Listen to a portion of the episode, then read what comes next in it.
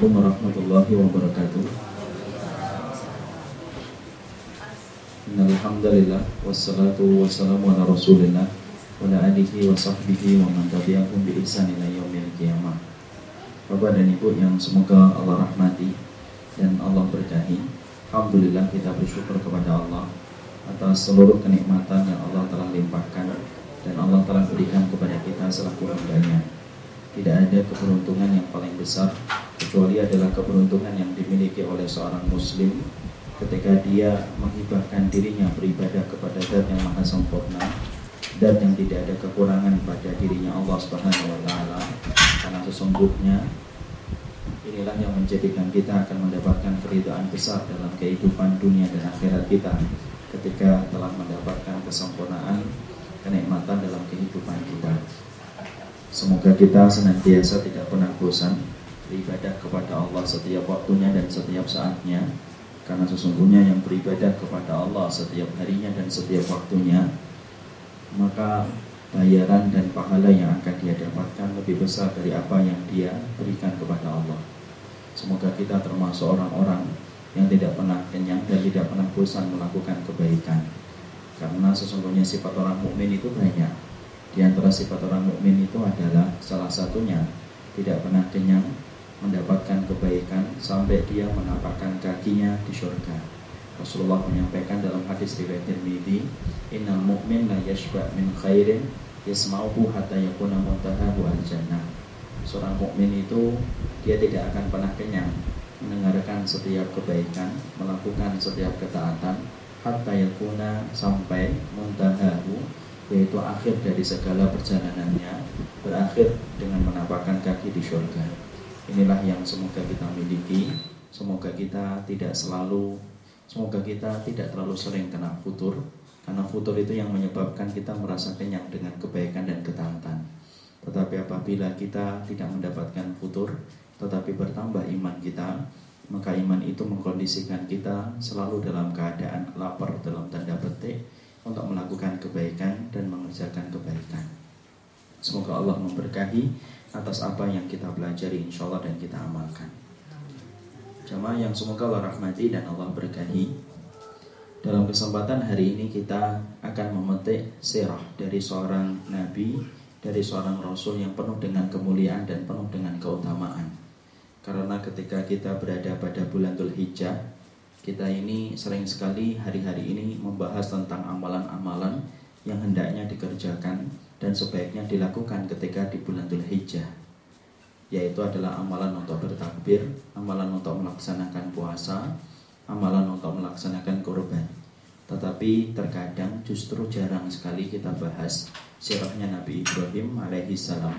Tetapi padahal sirahnya Nabi Ibrahim adalah sirah yang cukup penting di antara sirah para nabi dan para rasul yang lainnya karena di dalam kehidupan Nabi Ibrahim terdapat contoh bagi orang yang beriman sebagaimana Rasulullah SAW menjadi contoh bagi orang yang beriman.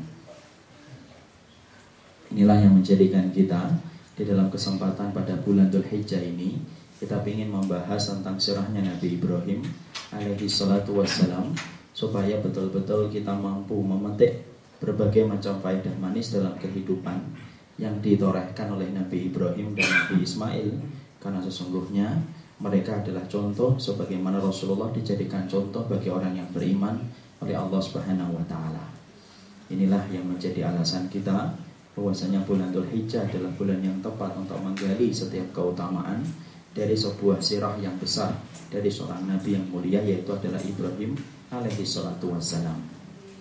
Maka sebelumnya kita harus mengetahui tentang Nabi Ibrahim bahwasanya Nabi Ibrahim adalah seorang nabi yang bergelar Khalilur Rahman yaitu adalah bergelar sebagai kekasihnya Allah dan yang memberikan status dan nama itu adalah Allah Subhanahu wa taala.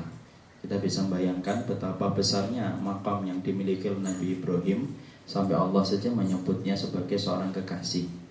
Dan ketika, ketika kita mengetahui Allah dan yang maha sempurna dalam nama dan sifatnya, ketika telah mengambil seseorang menjadi kekasihnya berarti betul-betul sempurna kemuliaan yang dimiliki oleh orang ini sampai Allah yang bersemayam di atas arus mengambilnya sebagai kekasihnya Inilah yang menunjukkan besarnya keutamaan Nabi Ibrahim.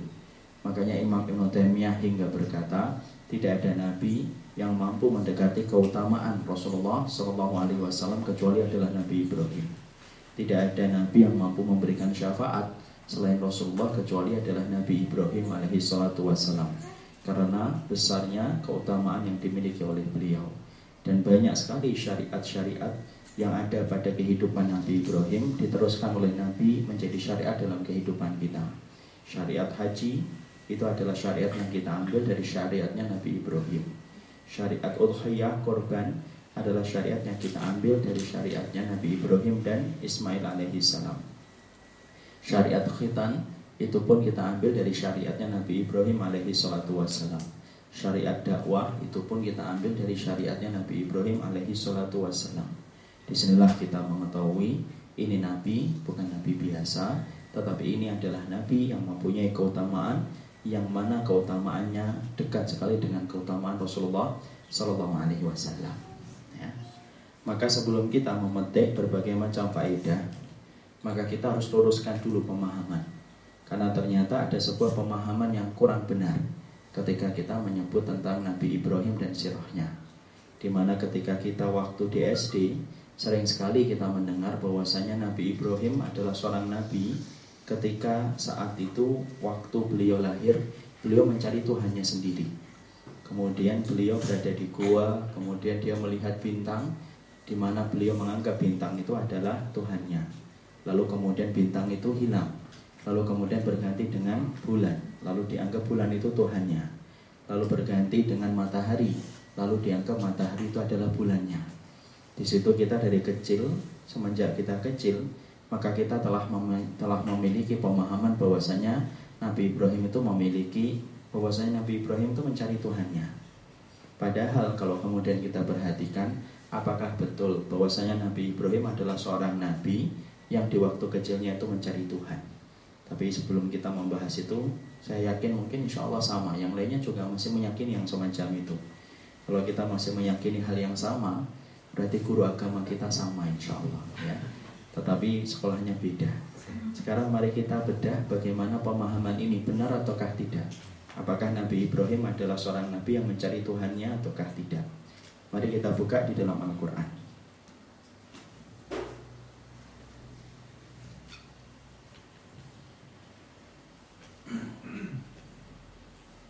Surat Al-An'am kita baca dari 74 sampai 78.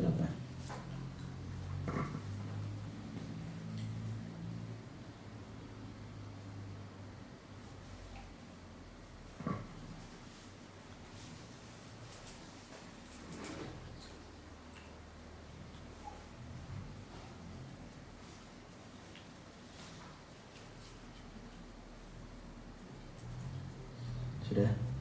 Sekarang mari kita baca. Sudah Bapak baca artinya. Bismillahirrahmanirrahim. Dan ingatlah di waktu Ibrahim berkata kepada bapaknya, Azar, pantaskah kamu menjadikan berhala-hala sebagai berhala-berhala sebagai Tuhan-Tuhan? Sesungguhnya aku melihat kamu dan kaummu dalam kesesatan yang nyata. Dan demikianlah kami perlihatkan kepada Ibrahim tanda-tanda keagungan kami yang terdapat di langit dan bumi dan kami memperlihatkannya agar dia termasuk orang yang yakin. Ketika malam telah gelap, dia melihat sebuah bintang, lalu dia berkata, "Inilah Tuhanku." Tetapi tatkala bintang itu tenggelam, dia berkata, "Saya tidak suka kepada yang tenggelam." Kemudian tatkala dia melihat bulan terbit, dia berkata, "Inilah Tuhanku." Tetapi setelah bulan itu terbenam, dia berkata, Sesungguhnya jika Tuhanku tidak memberi petunjuk kepadaku, pastilah aku termasuk orang yang sesat. Kemudian tatkala ia melihat matahari terbit, dia berkata, Inilah Tuhanku, ini yang lebih besar. Maka tatkala matahari itu terbenam, dia berkata, Hai kaumku, sesungguhnya aku berlepas diri dari apa yang kamu persekutukan. Mari kita bedah dulu ayat ini. Karena ayat ini sering sekali dijadikan dalil dan dijadikan hujah oleh sebagian besar kaum muslimin di mana mereka meyakini dan beranggapan bahwasanya Nabi Ibrahim adalah prosesnya mencari Tuhan sampai ketemu dengan Allah Subhanahu wa taala. Berdasarkan kepada surat Al-An'am 74 sampai 78. Inilah yang dijadikan sandaran oleh sebagian besar dari kaum muslimin ketika mereka tidak berpindah di satu keyakinan Nabi Ibrahim itu dulunya tidak mengenal Allah sampai Allah bimbing supaya Nabi Ibrahim akhirnya kenal dengan Allah. Maka sesungguhnya pemahaman yang mengatakan bahwasanya Nabi Ibrahim itu mencari Tuhan itu pada dasarnya adalah pemahaman yang kurang benar disebabkan dengan lima alasan. Lima alasan ini apa? yang pertama yaitu adalah yang dijelaskan oleh Imam Ibnu Katsir Imam Ibnu Katsir itu menjelaskan yang pertama, konteksnya di dalam surat Al-An'am 74 sampai 78 tidak ada di dalam penjelasan ayat tersebut bahwasanya ada konteks keterangan bahwasanya Nabi Ibrahim itu mencari Tuhan. Tetapi konteksnya adalah ketika kita memahami pada ayat yang ke-74 yaitu adalah ketika Nabi Ibrahim berdialog kepada bapaknya lalu kemudian Ibrahim berkata, "Atatakhidu asnaman alihatan inni araka wa qaumaka fi dhalalim mubin." Sesungguhnya, apakah kamu menjadikan Tuhan sesembahan yang kamu pahat sendiri yang tidak memberikan manfaat? Sesungguhnya engkau wahai ayahku dan kaummu berada dalam kesesatan yang nyata. Di sini kemudian kita mendapati perkataan Imam Ibnu Katsir, wal haq yang benar adalah di sini tidak ada keterangan bahwasanya Nabi Ibrahim itu mencari Tuhan. Tetapi yang benar adalah sesungguhnya Nabi Ibrahim sedang berdebat, sedang menjelaskan dalam bentuk dialog kepada bapaknya dan kepada kaumnya bapaknya. Bahwasanya apa yang dilakukan oleh kaum bapaknya itu adalah sesuatu yang salah. Karena kesyirikan yang merebak pada zaman Nabi Ibrahim adalah kesyirikan ketika mereka menyembah kepada bintang-bintang dan makhluk-makhluk di langit. Jadi kesyirikan pada zaman sebelum Rasulullah itu terbagi menjadi dua, kata Imam Ibn Qasir. Yang pertama yaitu adalah syirik ketika menjadikan orang solih menjadi Tuhan tandingan selain Allah setelah mereka mati. Inilah syirik yang tersebar pada zamannya Nabi Nuh alaihi salam. Kemudian syirik yang terjadi pada zaman Nabi Ibrahim itu berbeda versinya. Syiriknya adalah bagaimana mereka menjadikan makhluk-makhluk di langit menjadi Tuhan-Tuhan tandingan selain Allah Subhanahu wa taala. Makanya kemudian terjadilah apa yang disampaikan oleh Allah Subhanahu wa taala bahwasanya di sini Nabi Ibrahim menjelaskan kepada kaumnya dan menjelaskan bagaimana kebatilan kaum mereka ketika kaumnya itu menyembah kepada sesuatu yang sifatnya tidak mempunyai manfaat dan tidak mempunyai kebaikan. Ini yang pertama. Makanya Imam Ibnu Katsir perhatikan dikatakan oleh beliau wal haq anna Ibrahim alaihi salatu wassalam kana fi hadzal maqam munadhiran liqaumihi mubayyinan lahum butlan makanu alaihi min ibadatil asnam. Maka kemudian dijelaskan adalah sesungguhnya yang benar itu bukanlah proses Ibrahim ketika beliau mencari Tuhan. Tetapi proses yang benar adalah sesungguhnya saat itu Allah menjelaskan dari 74 sampai 78 maka Imam Ibn Qasir mengatakan munadiran liqaumihi mubayyinan libutlanihim. Jadi saat itu Nabi Ibrahim itu sedang menjelaskan kesalahan yang dilakukan oleh kaumnya dan menyampaikan kebatilan yang dilakukan oleh kaum ayahnya. Jadi konteks yang pertama kemudian dikatakan sesungguhnya saat itu tidak ada satupun ayat yang menjelaskan bahwasanya Nabi Ibrahim sedang mencari Tuhan. Tapi yang benar konteksnya adalah Nabi Ibrahim sedang berdialog kepada kaum ayahnya tentang segala kesesatan yang dilakukan oleh mereka ketika mereka menggantungkan harapan kepada makhluk di makhluk di langit. Yang pertama. Yang kedua, alasan yang kemudian disampaikan oleh para ulama, yang kedua adalah Nabi Ibrahim saat itu adalah kemudian sedang berdebat ditunjukkan dengan akhir pada pembahasan ayat. Mari kita buka dalam surat Al-An'am 83.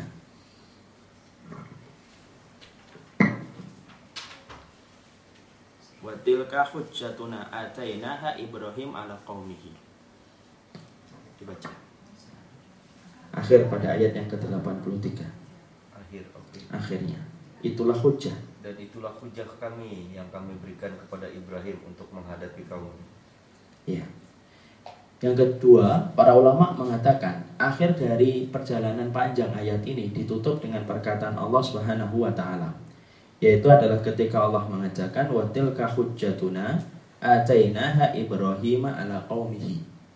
Itulah hujah yang kami berikan kepada Ibrahim untuk menjawab kesyirikan kaumnya jadi ketika Nabi Ibrahim mampu menjawab setiap kesesatan yang dilakukan oleh kaumnya ketika mereka beranggapan bintang, bulan, dan matahari menjadi Tuhan tandingan selain Allah itu adalah hujah yang disampaikan oleh Allah diajari oleh Allah kepada Nabi Ibrahim. Dan yang mengajari itu ilmunya adalah Allah. Nabi Ibrahim kemudian berdebat kepada kaumnya menjelaskan tentang kesalahan yang dilakukan oleh kaumnya ketika kaumnya mereka melakukan kesyirikan kepada seluruh makhluk yang ada di langit Allah kemudian menutup ayat ini pada surat Al-An'am 83 Itulah hujah kami, kata Allah, itu hujah kami yang kami berikan kepada Ibrahim untuk menjawab kaumnya. Berarti ini mempertegas dari apa yang disampaikan oleh Nabi, oleh oleh Imam Ibnu Katsir bahwasanya yang dilakukan oleh Nabi Ibrahim tidak dalam konteks mencari Tuhan. Tapi konteksnya adalah Nabi Ibrahim sedang berdebat kepada kaumnya. Kemudian yang ketiga para ulama kemudian mengatakan tidak mungkin orang itu akan mendapatkan Tuhan hanya dengan melihat alam. Karena sesungguhnya apa? Proses untuk mendapatkan Allah Subhanahu wa taala adalah proses yang kemudian diturunkan karena hidayah. Tidak mungkin orang itu melihat alam kemudian dia akan mendapatkan langsung bahwasanya dia langsung tahu ini Allah ini yang di belakang semua ini. Semua orang itu ketika mendapatkan Allah menjadi Rabb yang dia sembah dan tidak berbuat syirik, itu merupakan bagian dari hidayah yang Allah turunkan bukan karena melihat alam. Ya, karena apa? Kekuatan akal hanya menghantarkan kita kepada satu kesimpulan, tetapi akhirnya sampai mendapatkan hidayah itu adalah Allah yang menentukan. Mari kita buka surat Al-An'am 77.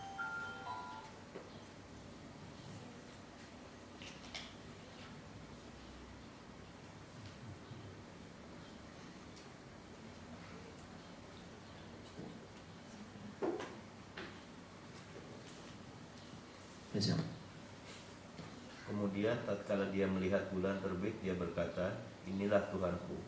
Tetapi setelah bulan itu terbenam, dia berkata, "Sesungguhnya jika Tuhanku tidak memberi petunjuk kepadaku, pastilah aku termasuk orang yang sesat."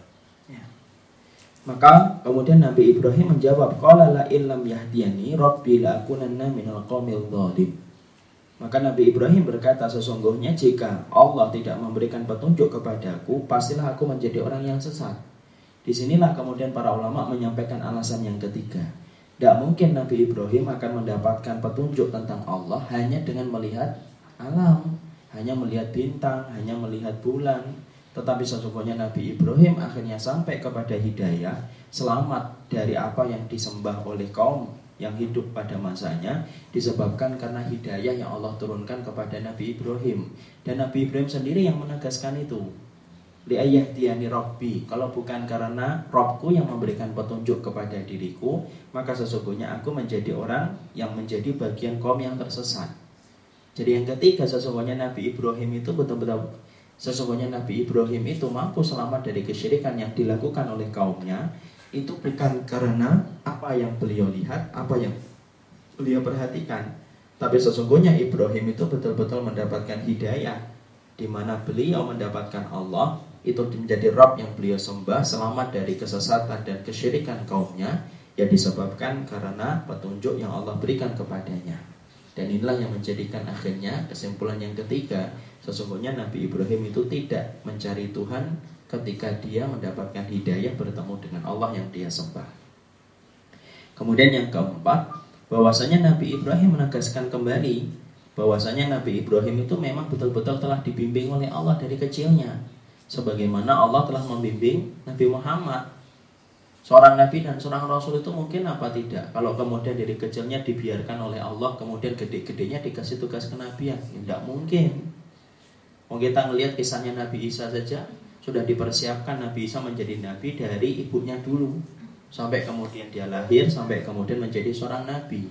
Nabi Muhammad pun dimulai dari beliau lahir sampai kemudian dibersihkan dadanya, di kemudian diselamatkan dan dijaga dari kesesatan kaumnya sampai kemudian beliau bertahanus bermalam-malam di gua Hira. Tidak mungkin Allah itu akan membebankan kepada seorang manusia tugas yang sangat berat menjadi nabi dan rasul, tetapi Allah biarkan dia mencari-cari dulu Baru setelah itu kemudian Allah berikan kepadanya tugas kenabian. Ini kan kelihatannya tidak masuk akal. Makanya kemudian yang membimbingnya itu siapa? Allah. Makanya dalam surat Al-Anbiya lebih jelas lagi apa yang disampaikan oleh Allah Subhanahu wa taala. Kita buka surat Al-Anbiya 51.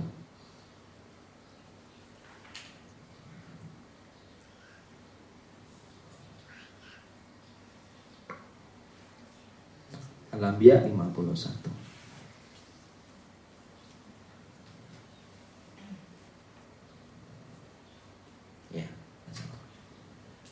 Dan sesungguhnya telah kami anugerahkan kepada Ibrahim hidayah kebenaran sebelum Musa dan Harun dan adalah kami mengetahui keadaannya. Teruskan.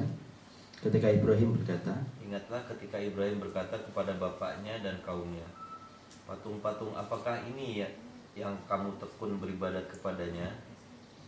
Mereka menjawab, kami mendapati bapak-bapak kami menyembahnya. Ibrahim berkata, sesungguhnya kamu dan bapak-bapakmu berada dalam kesesatan yang nyata. ya. Pada ayat ini, ini kemudian mempertegas yang keempat, bahwasanya yang membimbing Nabi Ibrahim itu adalah Allah semenjak beliau kecil. Mana dalilnya?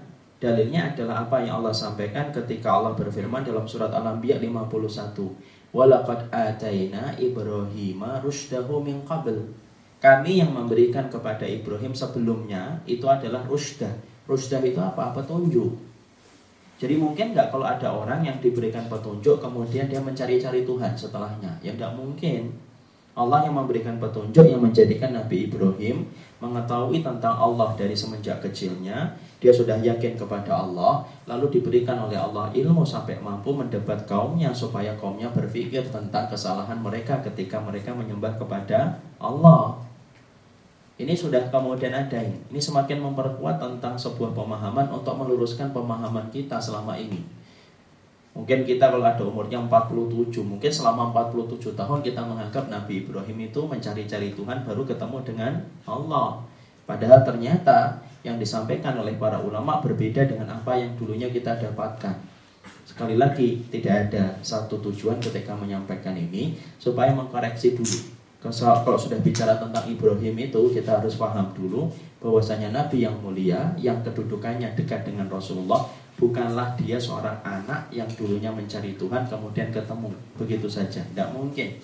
Allah tidak mungkin akan menciptakan seorang nabi memberikan tugas yang begitu berat lalu Allah biarkan dia meraba-raba mengira-ngira lalu kemudian akhirnya dia mendapatkan Tuhan yang dia sembah. Tidak Allah jelas mengatakan walakat aitaina Ibrahim rushdahu min qabl. Kami yang memberikan kepada Ibrahim itu petunjuk sebelumnya. Ini dalil yang keempat. Kemudian Dalil yang kelima adalah yaitu adalah konteks umum hadisnya Rasulullah ketika Nabi bersabda kullu mauludin yulatu alal fitrah. Sesungguhnya setiap anak yang lahir dilahirkan dalam keadaan fit, fitrah. Dia sudah ngerti Allah itu. Maka kemudian yang menjadikan anak itu rusak fitrahnya itu siapa? Orang tuanya dijadikan Nasara, dijadikan Majusi, dijadikan Yahudi. Jadi fitrahnya Nabi Ibrahim itu sudah ngerti Allah. Semua fitrah anak kayak gitu. Tapi yang menjadikan anak itu rusak fitrahnya adalah orang tuanya. Tapi di situlah kita akhirnya ngerti lima pandangan ini, lima pandangan inilah yang meyakinkan, menjadikan kita hari ini harus mengerti ternyata ada pendapat yang mengatakan berseberangan dengan apa yang selama ini kita yakini. Bahwasanya Nabi Ibrahim bukan mencari Tuhan tetapi Nabi Ibrahim ketika dia mengatakan tentang bintang, bulan dan matahari dalam posisi sedang menyampaikan hujah dan memberikan dialog kepada kaumnya. Karena tidak mungkin bagi seorang nabi kemudian dia mencari-cari sebelumnya baru ketemu tiba-tiba mendapatkan tugas yang berat yaitu menjadi nabi dan rasul. Tetapi sesungguhnya yang memberikan petunjuk adalah Allah Subhanahu wa taala dan fitrahnya setiap anak itu fitrahnya dalam keadaan dia fitrah. Fitrahnya itu apa? Ngerti tentang Allah Subhanahu wa taala. Jadi ayat-ayat ini jelas memberikan kepada kita pemahaman untuk mengkoreksi. Jadi saya mungkin tadi berhusnudon antum-antum tadi sebelum ke sini pun masih meyakini bahwasanya Nabi Ibrahim itu mencari Tuhan. Karena mungkin kualitas guru agama kita sama insya Allah. Jadi akhirnya karena banyak hal-hal yang kita dapatkan tapi ternyata kurang benar. Contoh kita mendapati pemahaman sirat itu adalah lebih tajam daripada pedang. Dibelah menjadi tujuh Masya Allah kan sama semuanya itu iya. guru agama tahun 70-an guru agama tahun 80-an semuanya sama menjelaskan itu padahal tidak ada satu keterangan pun yang menjelaskan bahwasanya sirat itu lebih tipis daripada rambut lebih tajam daripada pedang dan dibelah menjadi tujuh Masya Allah tidak ada inilah yang menjadikan kita memahamkan dulu betapa pentingnya bagi kita mengkoreksi mungkin hal-hal yang kemudian sifatnya kurang benar Bukan berarti kita membatalkan pendapat yang mengatakan bahwasanya Nabi Ibrahim sedang mencari Tuhan, tapi berdasarkan dalil-dalil yang ada, maka sesungguhnya di sinilah kita mulai paham dan mulai mengerti sesungguhnya nabimu, sesungguhnya rasulmu yaitu adalah Ibrahim.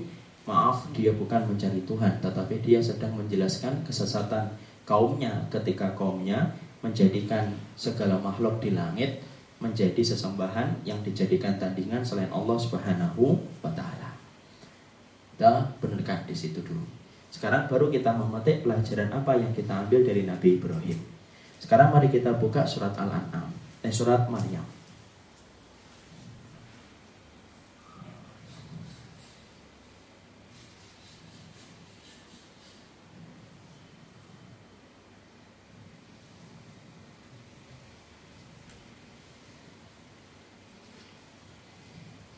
Ya. Surat Maryam 42. Surat Maryam 42. Maryam.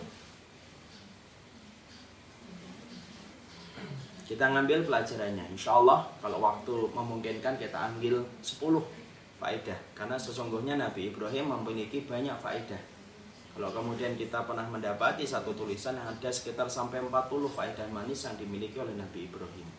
Tapi dalam kesempatan hari ini kita akan membahas dari waktu dan kesempatan yang ada. Insya Allah moga-moga 10 tercukupi untuk memetik faedah manis dari kisahnya Nabi Ibrahim alaihi salatu wassalam.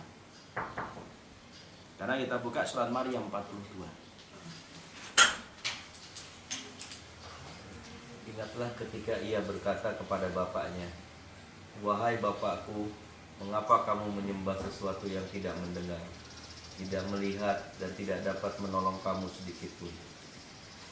Wahai Bapakku, sesungguhnya telah datang kepadaku sebahagian ilmu pengetahuan yang tidak datang kepadamu. Maka ikutilah aku, niscaya aku akan menunjukkan kepadamu jalan yang lurus. Ya. Di dalam surat Maryam 42, Itqala li abihi ya abati lima ta'budu ma la yasma' wa la yubsir wa la yugni anka syai'an. Di sini kita mendapati sebuah penjelasan yang disampaikan oleh Nabi Ibrahim. Allah mengabadikan sebuah dialog yang terjadi di antara seorang nabi dengan ayahnya. Yaitu adalah itqala li abihi ketika kemudian Nabi Ibrahim itu berkata kepada ayahnya. Siapa ayahnya? Azza. Pemahat patung dan pembuat patung. Maka kemudian dia berkata kepada ayahnya, "Lima ta'budu ma la yasma' wa la yubsir." Kenapa kamu itu menyembah kepada Tuhan yang tidak mampu mendengar dan tidak mampu melihat? Wala yugni anka dan tidak mampu memberikan manfaat kepada dirimu sedikit pun. Maka sesungguhnya ayat yang pertama ini memberikan banyak sekali faedah yang kita petik di antara samudra ilmu yang disampaikan oleh kalangan mufassirin. Yang pertama yang kita petik dari ayat ini adalah sesungguhnya orang yang beriman Tidaklah mereka itu beriman sebagaimana imannya para nabi dan para rasul kecuali mereka pasti memiliki musuh. Itu adalah hakikat dan fitrah keimanan ketika kita meretas jalan sebagaimana apa yang diretas oleh para nabi dan para rasul. Supaya kemudian ketika kita mengetahui poin ini supaya kita tidak cepat kaget.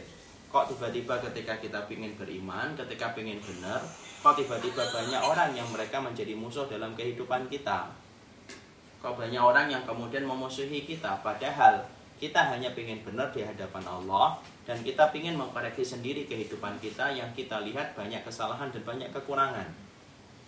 Maka sesungguhnya musuh itu Allah ciptakan bagi kehidupan kita Tidak lain dan tidak bukan untuk menguji sebesar apa cinta kita kepada Allah. Kalaulah bukan karena musuh yang Allah siapkan maka sesungguhnya manusia tidak akan kelihatan mana yang berkualitas di dalam mencintai Allah dan mana yang kemudian berkualitas ketika mencintai Allah. Dan ingat yang mempersiapkan musuh itu bukan ustadz, bukan seorang tetangga, bukan pula seorang guru, tetapi yang menciptakan musuh dalam kehidupan kita hanyalah Allah Subhanahu wa taala untuk menguji orang yang beriman di dalam kehidupan dunia karena memang tempatnya ujian untuk orang yang beriman. Mari kita buka surat Al-An'am 112.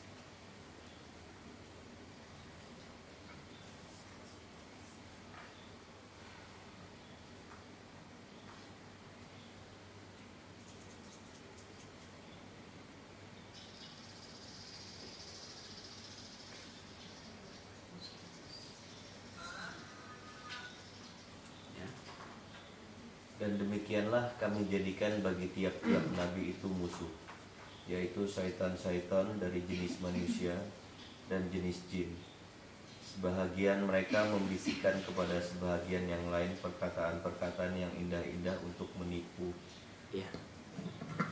Di sini kita mendapati bahwasanya Allah yang telah mempersiapkan musuh bagi kehidupan orang yang beriman ketika orang yang beriman meretas jalan yang murni sebagaimana yang diretas oleh para nabi dan para rasul. Supaya tidak kaget loh ya, kita belajar ayat ini supaya tidak kaget. Bahwasanya ternyata ada banyak polisi tidur dalam kehidupan kita ketika beriman kepada Allah. Polisi tidur itu maksudnya adalah yang mengganggu kenyamanan kita di dalam hidup dan ibadah kita. Kita kan pengennya kalau ibadah itu kan tenang, ibadah tidak ada yang ganggu, nggak ada yang ngerekecokin, nggak ada yang ngomentarin, mau pilihan-pilihan kita sendiri, dalil-dalilnya juga kita ambil sendiri. Tapi bukan kayak gitu memang. Kehidupan lembaran orang yang beriman itu tidak pernah sebagaimana yang kita bayangkan. Tetapi justru Allah yang mengatakan di dalam surat Al-An'am 112, "Wa kadzalika ja'alna likulli nabiyyin aduwan syayatinal insi wal jinni." dan kami jadikan bagi setiap para nabi dan orang yang mengikuti para nabi musuh dari kalangan setan dan kalangan manusia yang memang baik itu konsekuensinya. Tidak bisa untuk kemudian kita pindahkan ayat ini kita skip ayat ini ketika kita beriman kepada Allah. Ya tidak bisa. Ini ayat hadir sendiri merupakan bagian dari ketentuan yang Allah syariatkan kepada kita. Allah sampaikan supaya kita tidak kaget loh kalau kamu beriman itu ada musuh-musuh yang akan mengintari kehidupan kamu. Makanya kalau kita kembalikan kepada satu riwayat, Rasulullah saja menerangkan orang mukmin itu musuhnya banyak. Makanya dalam sebuah hadis diterangkan innal mukmin baina khamsi syada'in. Orang mukmin itu di antara lima musuhnya kata Rasulullah. Yang pertama, mukmin yang syuduhum. Yang pertama itu mukmin yang hasad kepada dia. Jadi ternyata kalau ada orang mukmin itu ternyata bukan berarti kita selamat dari orang mukmin. Tidak. Kalau ada orang mukmin yang hasad itu ya dia bisa mendatangkan keburukan bagi kita. Kenapa? Mukminnya hasad. Dan Nabi mengatakan justru yang pertama musuhnya orang yang beriman itu apa? Mukmin yang hasad. Mukmin yang syuduhum. Orang mukmin tetapi hatinya dan jiwanya itu penuh dengan rasa hasad. Dia benci orang yang beriman. Di situ kita mendapati masya Allah ya ternyata belum tentu orang yang kemudian muslim yang menjalankan ibadah bersama mungkin ketaatannya bersama tetapi mungkin bisa jadi dia mendatangkan keburukan dan tidak pernah mendatangkan keselamatan untuk diri kita. Jangan kaget. Kenapa? Nabimu sudah menjelaskan itu bahwasanya musuh bagi orang yang beriman penghalangnya itu yang pertama mukmin yang hasad. Selesai itu belum. Nabi kemudian menjelaskan yang kedua munafik begitu yang kedua itu adalah kamu di dalam hidupmu ketika menjadi orang yang beriman setelah kamu mendapati mukmin yang hasad kepada dirimu, yang kedua kamu akan mendapati munafik yubghidhum. Munafik yang membencimu setiap waktu dan setiap saatnya. Ini jelaslah munafik itu. Kenapa? Munafik tidak pernah sama visinya dan misinya di dalam hidup. Kalau visi dan misi orang yang beriman kan kembali kepada Al-Quran dan As-Sunnah sesuai dengan pemahaman para sahabat. Tapi visi dan misinya orang munafik itu apa? Justru berseberangan. Dia ingin menanggalkan Al-Quran, dia ingin menihilkan as-sunnah dalam kehidupan, dan ingin memandulkan syariat dalam kehidupan yang dia akan ketemu. Dan orang-orang munafik dipaksa untuk mencintai orang yang beriman itu yang tidak bisa. Itu sebagaimana mengharapkan onta masuk ke dalam lubang jarum. Tidak akan mampu orang munafik itu meridai orang yang beriman itu tidak akan mampu. Makanya kita kan sering mendapatkan penjelasan orang munafik itu hatinya lebih parah daripada hati orang kafir. Kenapa? Karena sesungguhnya disebut dengan mangkus. Mangkus itu gini loh.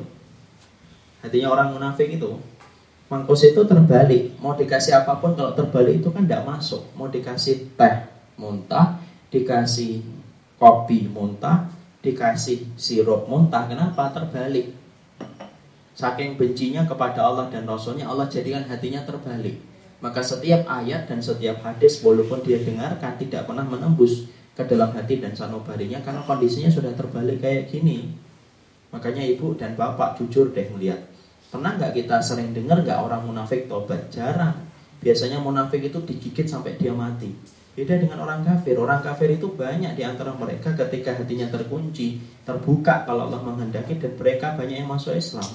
Hari ini kan kita sering dapati berbondong-bondong orang masuk Islam kan? Di Babu Taubah beberapa waktu yang lalu di Bekasi tempat saya tinggal Ada orang yang masuk Islam hanya alasan yang sederhana, yaitu adalah dia tidur bermimpi di dalam mimpinya dia disuruh wudhu. Bangun-bangun, dia mencoba untuk menolak dan melupakan mimpi yang dia lihat. Beberapa hari kemudian tidur kembali, mimpi kembali disuruh wudhu. Dia tahu tidak ada satu perbuatan bernama wudhu kecuali itu hanya dimiliki oleh kaum muslimin. Padahal dia guru, guru agama di sekolah internasional di salah satu di Jakarta, yaitu adalah sekolah Katolik.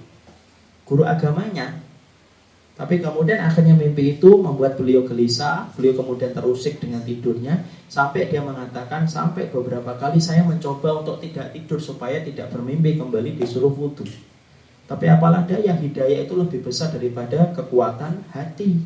Kalau sudah bicara tentang hidayah Allah, semua pun akan menjadi rapuh kalau di hadapan kekuatan Allah. Akhirnya kemudian dia menerima hidayah masuk Islam. Langsung kemudian beliau masuk Islam dan langsung menyempurnakan dengan hijabnya. Di situ kita mendapati orang-orang yang semisal beliau yang masuk Islam itu banyak. Tapi kalau orang munafik, masya Allah, orang munafik itu membenci orang yang beriman. Dan kemudian mereka susah untuk bertobat. Biasanya kalau orang sudah berani mengkritik Al-Quran, berani mengkritik As-Sunnah, sudah itu dia bawa sampai mati. Kita jarang banget mendapatkan orang munafik itu bertobat itu jarang banget. Kecuali memang betul-betul atas kehendak dan rahmat dari Allah Subhanahu wa taala. Tapi orang munafik, mereka itu apa? Mereka itu menjadi musuh orang yang beriman. Kenapa? Musuh orang yang beriman. Pertama itu mukmin yang hasad, yang kedua adalah munafik yang membenci kita. Selesai? Ya belum. Yang ketiga, yaitu adalah kufar yuqatilunahum. Yang ketiga itu apa? Orang-orang kafir yang kemudian senantiasa memeranginya. Orang kafir itu datang terus memeranginya, terus tidak pernah berhenti. Siang malam mereka kemudian berupaya bagaimana memadamkan cahaya Allah di atas muka bumi. Kalau ada satu agama yang didolimi, diperangi, dimusuhi sebagaimana Islam, kalau itu bukan Islam, pasti agama itu sudah punah di atas muka bumi. Tapi karena yang didolimi, diperangi, dibenci itu adalah Islam, bukan kita yang menjadikan Islam itu tetap ada, tetapi yang menjadikan Islam itu tetap ada adalah Allah. Wallahu mutimmu nurihi walau karihal kafirun. Allah itu yang menyempurnakan cahayanya yaitu adalah Islam walaupun orang-orang kafir itu membencinya. Yang keempat, siapa musuh orang yang beriman? Al-ahwa tunazi'uhum. Hawa nafsu yang senantiasa merongrong jalan ketaatan kita. Kita pengen benar, kemudian hawa nafsu nanti begini loh, nanti begitu. Kita pengen tinggalkan sesuatu ketika sudah ngerti ilmunya, hawa nafsu memberontak dengan mengatakan nanti kamu jadinya miskin loh kalau kamu tinggalkan ini. Terus dia dia dia bertengger di hati kaum muslimin untuk di hati supaya kemudian meninggalkan ketaatan. Yang kelima katanya adalah asyayatin tudulihum. Yang kelima itu setan yang menyesatkan dia. Di sinilah kita ngerti, itulah musuh. Kenapa? Karena ternyata Nabi Ibrahim pun mendapatkan musuhnya. Di antara musuhnya itu yang nanti kita lihat adalah musuh yang pertama, yaitu adalah bapaknya. Tapi yang jelas kita belajar faedah yang pertama itu apa? Sesungguhnya orang yang beriman itu tidak akan dibiarkan oleh Allah itu gampang. Untuk beriman sampai dia betul-betul diuji oleh Allah sampai Allah melihat besarnya kesungguhan dia ketika beribadah kepada Allah Subhanahu wa taala. Makanya Imam Ibnu Hazm sampai berkata, siapa pun itu kalau beriman lalu menganggap tidak punya musuh, berarti ada yang salah dengan akalnya. Kenapa? Fakat jana akluhu, dia telah gila akalnya ketika dia beranggapan iman itu tidak punya musuh yang akan menghalangi dia beriman kepada Allah. Lu main bola aja punya musuh kok. Dan ketika kita ada yang bertanya, Ustadz kenapa sih ada musuhnya? Karena saya pernah ditanya, Ustadz kenapa ada musuhnya? Lu kalau hidup beriman tidak ada musuh itu tidak nikmat. Kok bisa Ustaz? Coba aja kita main bola satu lapangan, tidak ada musuh. Kita tok sama bola tok. Kita lari ngeguling tuh ya biasa. Tidak ada punya musuh kok.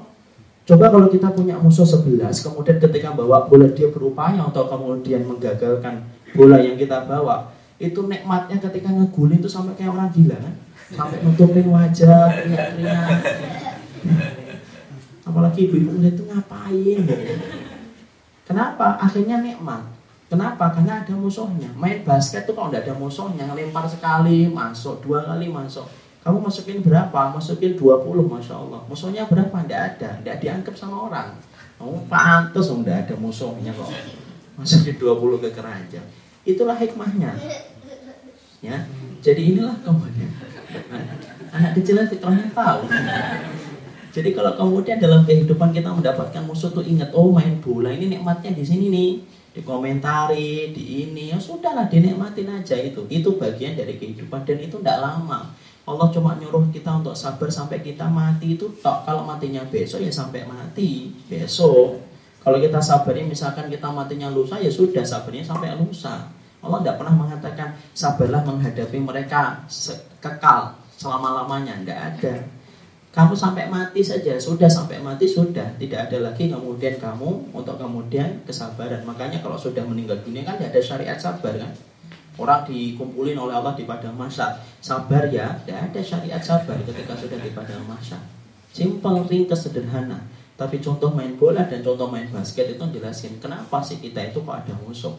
Karena ketika dulu saya udah lama menerangkan ini, ada yang protes, kenapa sih Allah menciptakan musuh Ustaz? Loh kalau nggak diciptakan musuh mana nikmat kita bersandar kepada Allah? Mana nikmat kita kemudian akan merasakan bagaimana teman-teman yang soleh yang mendampingi kita? Mana akan terasa nikmat kemudian kita akan berada di dalam kebaikan ketika terikat dengan Allah? Dengan adanya musuh. Semua kenikmatan itu lahir Dan itulah yang Allah ciptakan hikmah. Sampai musuh pun ada hikmahnya. Makanya Allah itu pantas kalau memberikan namanya adalah Al-Hakim. Apa Al-Hakim? Maha hikmah, maha bijaksana karena apa? Ternyata apa pun yang disyariatkan oleh Allah itu ada hikmahnya. Sampai musuh yang kita benci saja, ternyata itu memiliki hikmah dalam kehidupan kita. Itu pelajaran pertama. Pelajaran yang kedua dalam surat Al-An'am 42 itu apa? Pelajaran yang kedua dalam surat Al-An'am 42 itu jangan kaget loh kalau ternyata musuh itu datang dari lingkaran pertama kehidupan kita, yaitu keluarga kita.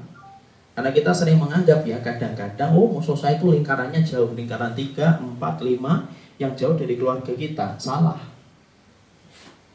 Bahwasanya kita mendapati bahwasanya lingkaran musuh itu terkadang datang dari keluarga kita yang paling dekat.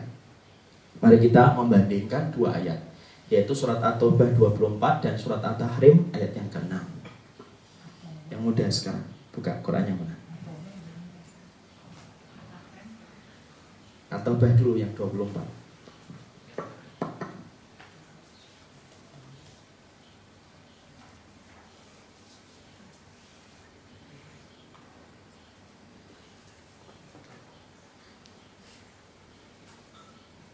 Tunggu, mana? Abu Lutfi dibaca.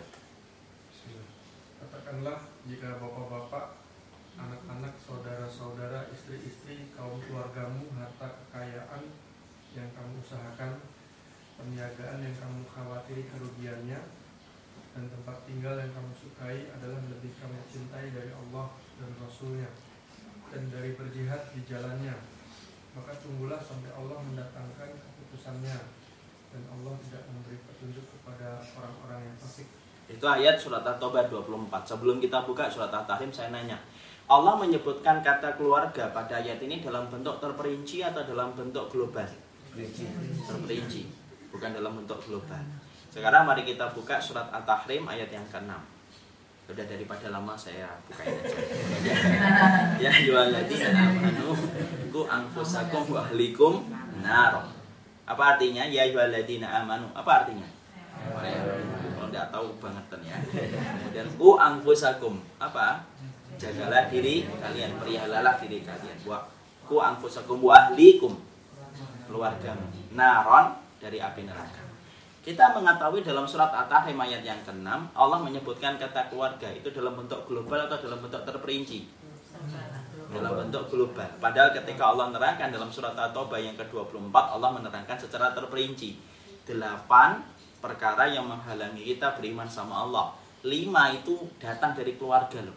Tidak main-main. Lima dari 8 nggak main-main itu berarti kemudian berapa persen 80-70 persennya maka kemudian Allah sampai sebutkan terperinci katakanlah jika anak-anakmu orang tuamu saudara-saudaramu lalu kemudian istri-istrimu atau suami-suamimu dan kemudian keluarga besarmu. Masya Allah disebutkan lima. Dan Allah sebutkan dalam bentuk yang sangat terperinci. Kenapa Allah sebutkan pada surat At-Taubah 24 terperinci sedangkan pada surat Tahrim ayat yang ke-6 Allah sebutkan dalam bentuk global ketika kita diperintahkan untuk menjaga. Tapi ketika kita Allah menerangkan ini loh orang yang menghalangi kamu dari ibadah, Allah terangkan dalam bentuk terperinci. Alul ilmi berkata, karena sesungguhnya besarnya kemungkinan anggota keluarga kita itu menjadi penghalang kita beribadah kepada Allah dengan cara yang benar. Besar kemungkinan itu. Kenapa Allah sampaikan kayak gini dan Allah abadikan kisah dialognya Nabi Ibrahim kepada bapaknya itu untuk supaya kita jangan kaget yang kedua. Eh ternyata yang memusuhi kita, menghalangi kita dan akan menyeret kita untuk melaksanakan total ketaatan dan kepatuhan kepada Allah itu jangan kaget kalau itu kita dapatkan dari lingkaran pertama dari orang yang terkasih dan kita cintai. Ya. Makanya kemudian yang tuh melihat bagaimana para nabi ketika mereka mendapati justru musuh-musuh pertama mereka itu keluarga-keluarga mereka. Nabi Ibrahim ayahnya, Nabi Nuh istri dan anaknya, Nabi Lot istrinya, Asia suaminya. Bahkan Rasulullah pun mendapatkan musuhnya itu siapa? Paman-pamannya. Di sini kita mendapat itu lihat bahwasanya ternyata kamu jangan kaget loh kalau tiba-tiba kamu beribadah, tiba-tiba ketika kita sudah ingin memperbaiki kualitas hidup kita, tiba-tiba kemudian ada yang menjadi musuh melalui wajahnya bapak, melalui wajahnya ibu, melalui wajahnya suami, melalui wajahnya istri, dan melalui wajahnya keluarga besar kita. Kenapa? Jangan kaget karena itu terjadi kepada setiap para nabi ketika mereka beribadah kepada Allah. Ya. Azar itu memahat patung loh. Coba kita bisa bayangkan ya, kalau kita membayangkan ini tidak dalil ya. Kita bayangkan betapa perihnya Nabi Ibrahim berbuih-buih menyampaikan kepada kaumnya jangan berbuat syirik. Kemudian kira-kira kaumnya ngomong apa lah Ibrahim, Ibrahimmu di rumahmu aja banyak par, banyak ngomong itu kan kita bayangkan kenapa yang namanya kaum sudah membenci itu kan apa aja? Dijadikan celah kan sudah membenci kok. Kalau sudah membenci itu masya Allah dia lihat kekurangan dikit aja wah senengnya luar biasa kan. Dan itu bukan celah itu gede banget itu kelihatan. Lo bapaknya aja mahat patung kok. Kalau kira-kira Nabi Nuh sedang berdakwah kira-kira kaumnya Nabi Nuh itu ngomong apa? Lah Nuh Nuh kamu itu siang malam ngajakin kita. Lu istrimu aja ndak bener kok anakmu aja ndak bener. Coba kita bayangkan itu belum lagi ketika Nabi Nuh pulang coba. Kira-kira mungkin nggak istrinya mengatakan, wahai suamiku Nabi Allah, ayo duduk makan. Oh, dia benci sama Nuh. Kita bisa bayangkan di luar mendapatkan pertentangan yang luar biasa, di rumahnya tidak mendapatkan surga.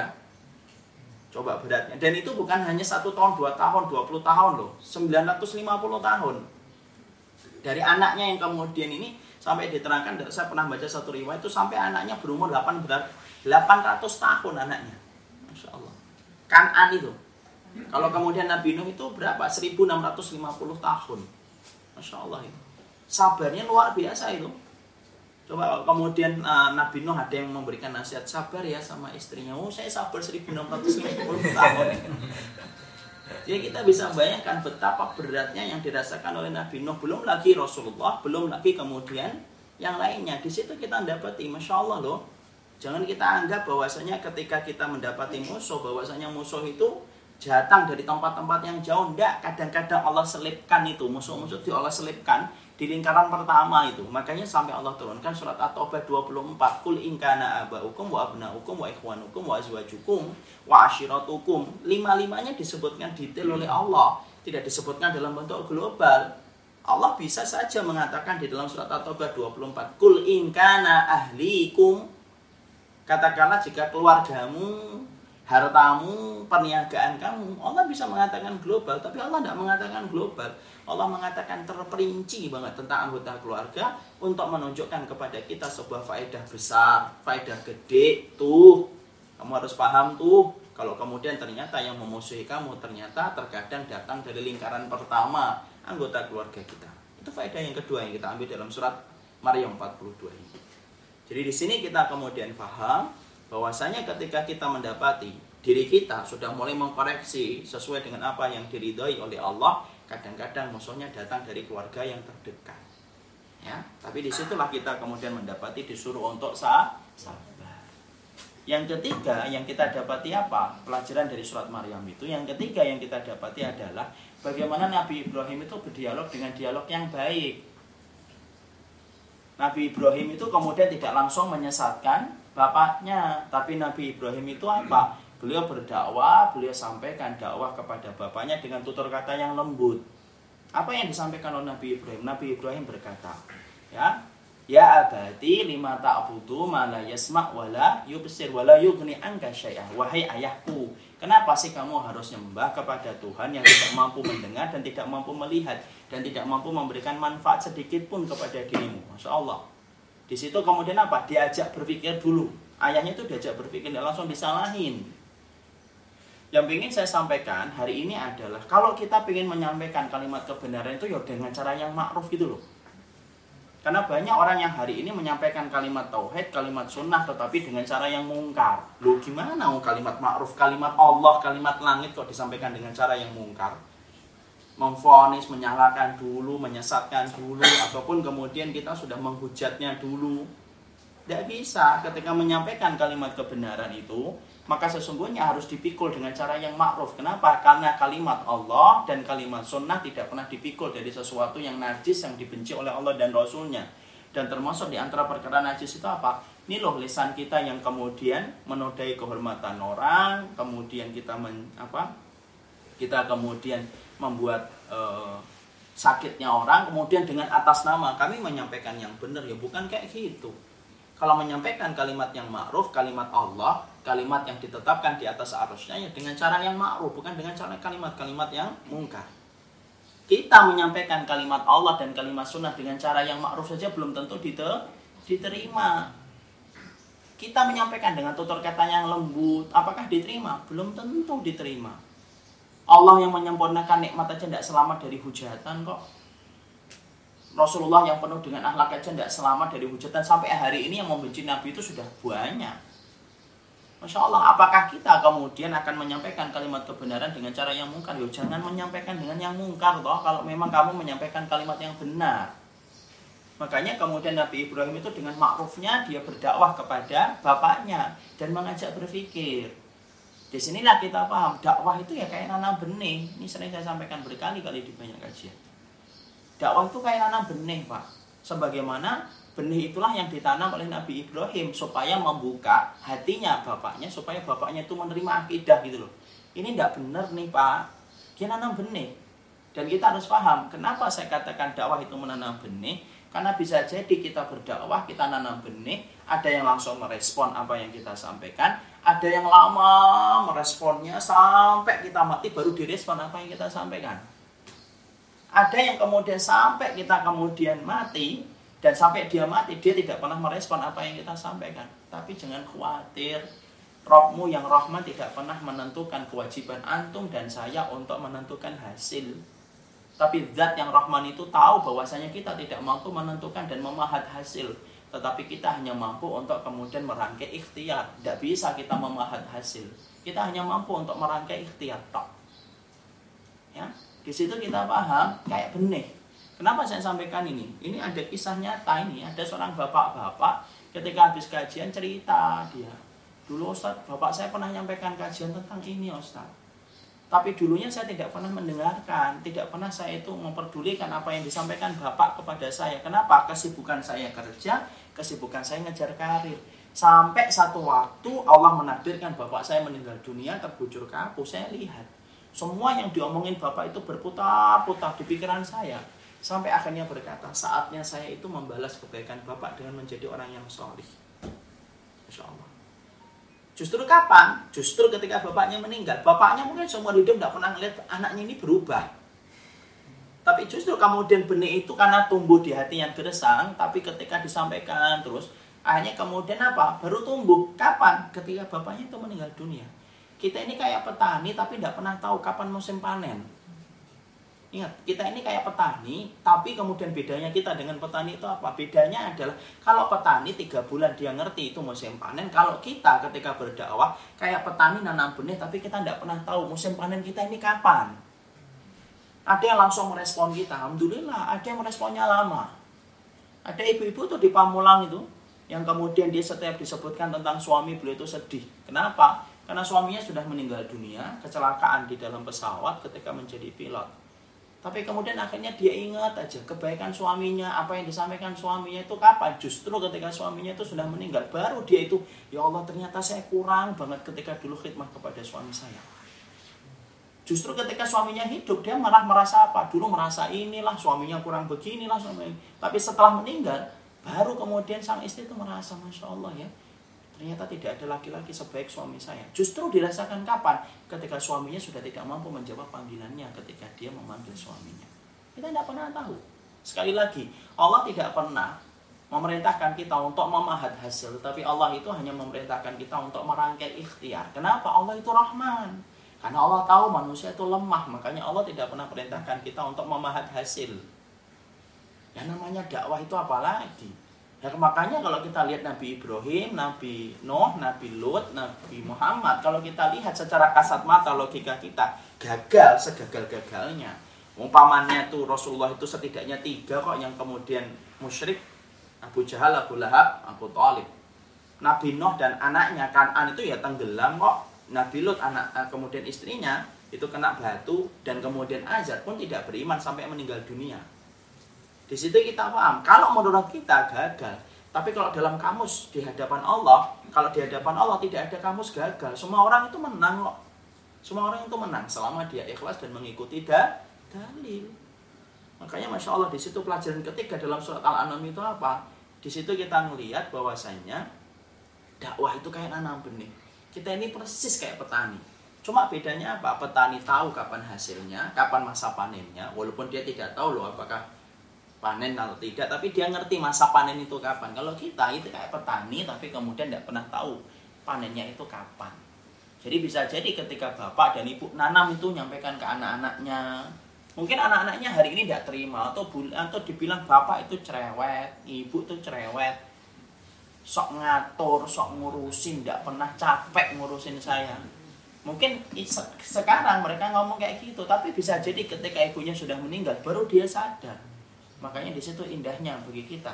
Itulah indahnya ketika kita ini betapa beruntungnya memiliki Allah di mana Allah itu tidak pernah menyia-nyiakan amal kita walaupun hanya satu kata yang kita ucapkan untuk mewujudkan kebaikan.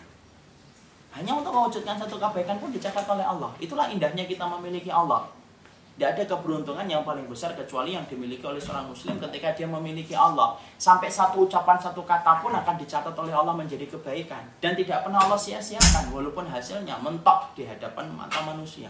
Tapi tidak pernah mentok di hadapan Allah. Ya, jadi pelajaran yang keberapa itu? Yang keempat itu ya. ya. Sekarang pelajaran yang kelima itu apa? Ya. Pelajaran yang kelima yang kemudian kita dapatin di situ adalah hidayah itu yang menggenggam adalah Allah. Kenapa kita belajar itu ya tadi? Karena apa? Azar itu tidak kunjung beriman. Sampai kemudian Azar itu mendapati dalam kehidupan Azar itu apa? Yaitu adalah Azar. Kemudian ternyata tidak kemudian beriman, dia tetap mempertahankan apa yang dia yakini sampai dia mati. Nah, di situ kita paham, Masya Allah. Ternyata kemudian Azar itu menjadi bukti bagi kita bahwasanya seorang Khalilur Rahman aja tidak mampu untuk membuka pintu hidayah kalau Allah tidak menghendaki. Nah kalau Khalilur Rahman kekasihnya Allah yang memberikan kepadanya rusdah, rusdah itu tapi apa? Petunjuk. Yang mengajari Ibrahim untuk mendebat kaumnya itu Allah loh. Gak main-main loh, bukan syekh loh. Bukan masyayikh. Langsung yang ngajarin itu Allah. Ya, Walakat ataina Ibrahim rusdahu. Coba, kami yang memberikan petunjuk kepada Ibrahim itu petunjuk untuk kemudian menjawab kaumnya. Watilka hujjatuna itulah hujjah kami ataina yang kami berikan kepada Ibrahim. Loh ternyata Nabi Ibrahim mau memberikan debat kepada kaumnya yang ngajarin Allah. Langsung Allah yang ngajarin ini debat kaumnya. Tadi kita kan belajar kan di awal-awal. Yang mengajari Nabi Ibrahim mampu debat kaumnya itu Allah langsung dan Allah tadi terangkan dalam surat Al-Anbiya Allah yang ngajarin langsung Ibrahim ketika mendebat kaumnya. Itu pun tidak mampu untuk kemudian membuka hati ayahnya apalagi kita kita juga nggak akan mampu untuk kemudian menentukan hasil di dalam masalah hidayah. Dan ingat loh Nabi Ibrahim itu sampai beliau itu lama tidak kunjung mendapatkan orang itu beriman. Makanya sampai beliau itu dilemparkan ke kobaran api, maka sesungguhnya sesungguhnya yang kita dapatkan ketika beliau dilemparkan itu tidak ada satupun oh, muridnya itu yang kemudian membela kehormatan Nabi Ibrahim. Kenapa? Ada yang belum beriman saat itu. Beda kan kalau kemudian Rasulullah Rasul kan ada sahabat-sahabatnya. Rasulullah itu ada sahabat-sahabatnya, tapi kemudian Nabi Ibrahim ketika kita perhatikan, oh lahu baitan, oh lahu baitan fa'alkuhu fil jahim. Maka ketika kaum itu sudah geram banget, benci banget sama Nabi Ibrahim sampai mereka mengatakan, buatkan rumah itu yang kemudian terbuat dari batu, terbuat dari kayu-kayu bakar itu. Jadi dulu kalau kita bayangin bahwasanya yang membakar Nabi Ibrahim itu kayunya cuma segini kayak kita bakar kompor kayu itu. Enggak, itu tinggi banget. Sampai-sampai dalam Imam Nukasi itu diterangkan sampai kalau ada burung yang lewat kena asapnya itu mati langsung. Tidak ada satupun kemudian mereka berkata apa fa'alquhu fil jahim. Nanti kalau sudah jadi kobaran api itu lemparkan dia. Tidak ada itu kemudian saat itu muridnya itu yang kemudian beriman belum ada saat itu. Di situ kita mendapati masya Allah yang menjadikan seseorang mendapatkan hidayah itu bukan fulan, bukan fulan, bukan fulana, tapi yang menjadikan seseorang itu mendapatkan hidayah itu adalah Allah semata. Kita hanya bisa kemudian merangkai ikhtiar tak mengetok pintu langit supaya Allah memberikan hidayah kepada orang yang kita cintai. Selebihnya Allah yang menentukan. Allah yang menentukan, bukan kita yang menentukan. Ya, supaya kita jangan cepat merasa gagal. Waduh, gagal saya. Ternyata saya ngaji, ternyata ternyata tidak bisa merubah dia. Bukan itu gagalnya. Gagal itu ketika kamu tidak sabar lalu kemudian kamu berputus asa, itu baru gagal. Tapi selama kemudian kita istiqomah, kita nyampaikan walaupun akhirnya tidak mampu membuka pintu hatinya untuk meraih hidayah, Masya Allah, kamu tidak pernah gagal di hadapan Allah selama kita bersabar di hadapan Allah. Tidak ada kamu gagal, tidak ada kamu kalah bagi orang yang ikhlas dan itibar. Itu yang dikatakan oleh Syah Nasir Umar. Beliau mengatakan tidak ada kamu gagal dan tidak ada kamu kalah bagi orang yang telah itibar dan telah kemudian ikhlas. Yang gagal itu siapa? Orang yang tidak itibar. Yang gagal itu siapa? Orang yang tidak pernah ikhlas itu orang yang gagal. Ya, itu pelajaran yang pertama yang kita petik dari kisahnya Nabi Ibrahim alaihissalam. Lalu kemudian yang kedua yang kita petik dari kisahnya Nabi Ibrahim itu mari kita buka di dalam Al-Quran.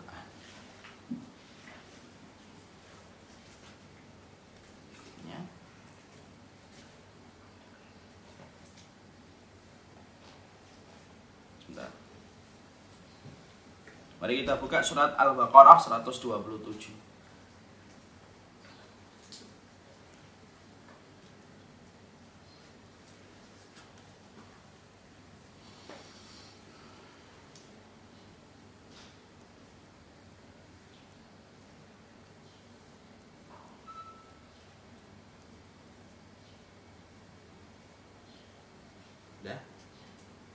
baca Abu Abu Lutfi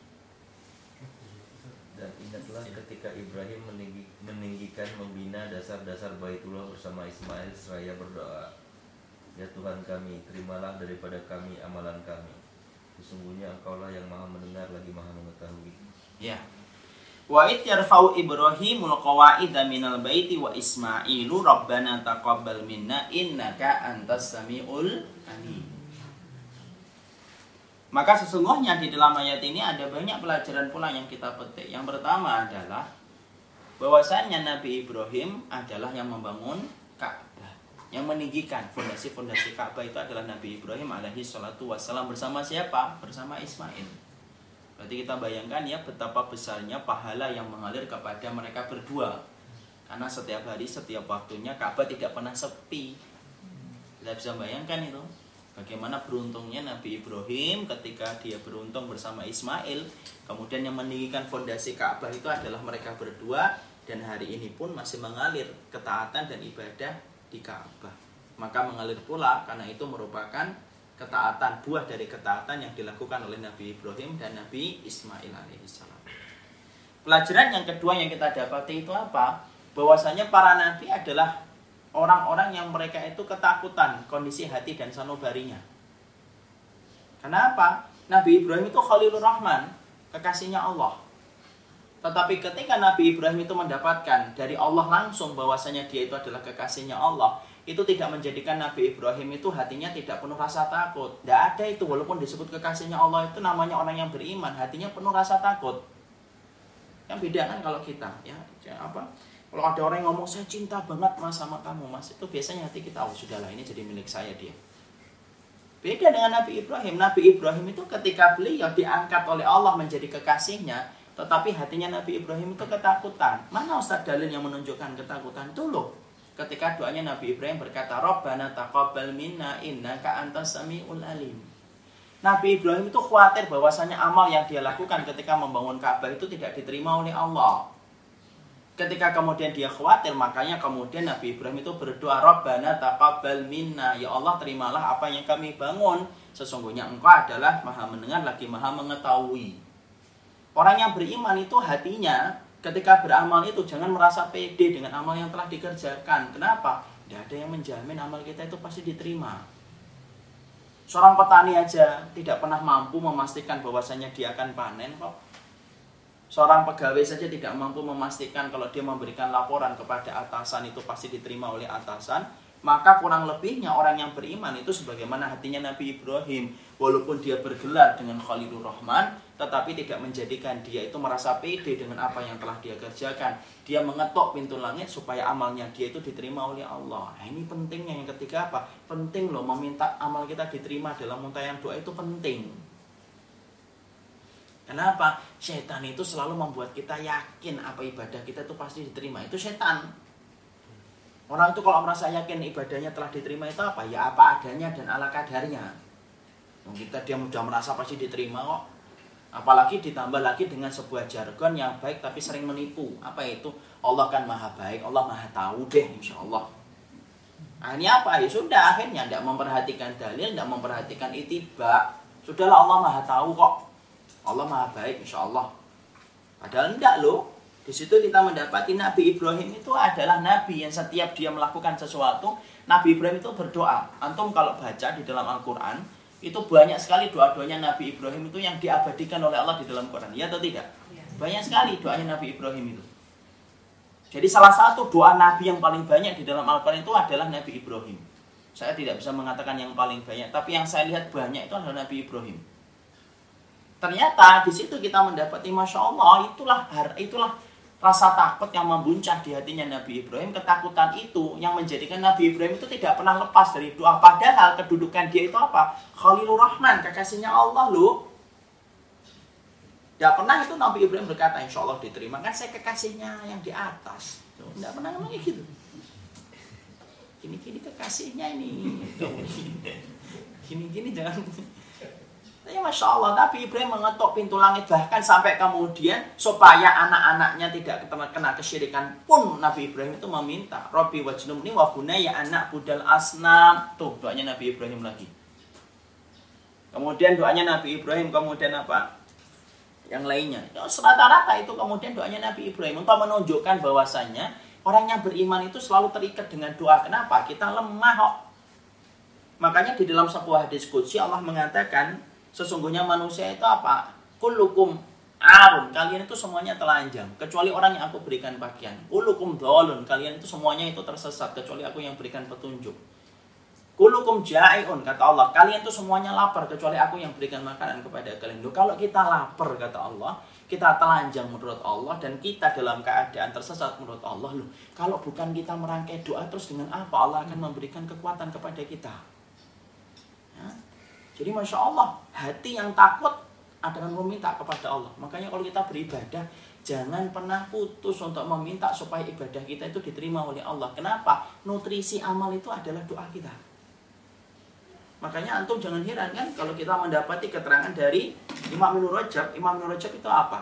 Mengatakan, Imam Ibnu Rajab itu mengatakan bahwasannya para sahabat itu kalau habis Ramadan, itu kan amalan satu, habis Ramadan kanu yat'unallaha fi sittati asyurin ayyum ayataqabbala minhum a'malahum. Para sahabat itu kalau ditinggalkan Ramadan, mereka itu sampai merutinkan doa sampai enam bulan. Supaya amal mereka itu diterima oleh Allah di bulan Ramadan. Itu sampai enam bulan. Itu hampir sama dengan Nabi Ibrahim membangun Ka'bah sampai mengatakan Rabbana taqabbal minna. Ya Allah terimalah kami ya Allah. Karena apa? Nutrisi doa itu adalah nutrisi amal itu doa kita untuk menjadikan amal itu mampu membuka pintu langit. Tidak semua amal loh kemudian mampu menyentuh pintu langit diterima oleh Allah menjadi mizan kebaikan. Belum tentu. Maka bisa jadi ada orang nanti ketika ditimbang loh dulu saya hajinya kok tidak kelihatan di timbangan ini yang mana ya Allah. Karena bisa jadi hajinya itu rusak kan. Bisa jadi kemudian puasanya juga rusak loh. Saya dulu tiap hari kan puasa Daud, kok dalam timbangan nggak ada ya? Malah yang ada itu yang kecil-kecil. Bisa jadi rusak. Kenapa? Banyak sekali perkara-perkara yang amal itu yang tidak diterima oleh Allah ketika tidak sesuai dengan apa yang ditetapkan oleh Allah. Nah kalau kita tidak memperkuat dengan doa, terus dengan apa kita? Batu bata ketika ditaruh dalam satu tingkat saja, kalau tidak dikasih perekat yang bernama semen aja tidak akan merekat menjadi kokoh. Maka amal pun memerlukan sebuah kekuatan dan kekuatan itu apa? Kekuatan itu adalah doa. Itu yang kita belajar. Yang kedua adalah bagaimana Nabi Ibrahim itu menyandarkan kekuatannya itu dengan doa. Makanya ketika Nabi Ibrahim itu dibakar, itu kemudian mengucapkan apa? Hasbunallah wa ni'mal wakil ni'mal maula wa ni'mal nasir. Masya Allah, itu doanya Nabi Ibrahim. Makanya dengan doa itu kemudian Allah katakan apa? Bardan wasalaman. Allah kemudian ya narokuni wahai apiku jadikanlah dirimu bardan wasalaman yaitu jadikanlah dirimu itu bardan, dingin, wasalaman. Dan kemudian menyelamatkan. Saya ingin tanya nih, kenapa sih ada kata wasalaman? Wasalaman itu artinya apa? Menyelamatkan. Kenapa ada kata menyelamatkan? Dingin bisa mematikan juga. Tuntas. Karena kalau Allah mengatakan ya narokuni bardan, jadikanlah dirimu dingin, Nabi Ibrahim itu bisa langsung mati. Kenapa? Saking dinginnya api itu. Karena api itu bisa menjadi dingin dan dingin itu bisa mematikan. Makanya Allah mengatakan bardan wasala wasalama. Jadi karena dirimu itu dingin dan kemudian menyelamatkan. Jadi dinginnya pas sesuai dengan kondisi yang bisa dilalui oleh manusia. Itu indahnya. Dan itu doanya apa? Nabi Ibrahim itu hasbunallah. Ini doa yang paling sering nih saya saya sering dengerin orang-orang Suriah itu sering berdoa dengan hasbunallah gitu. Ibu-ibu yang saya sering ceritakan itu yang datang ke rumah sakit yang gula darahnya sampai 500 itu cerita tentang dua anaknya nangis ketika dua anaknya diambil oleh Nusairi.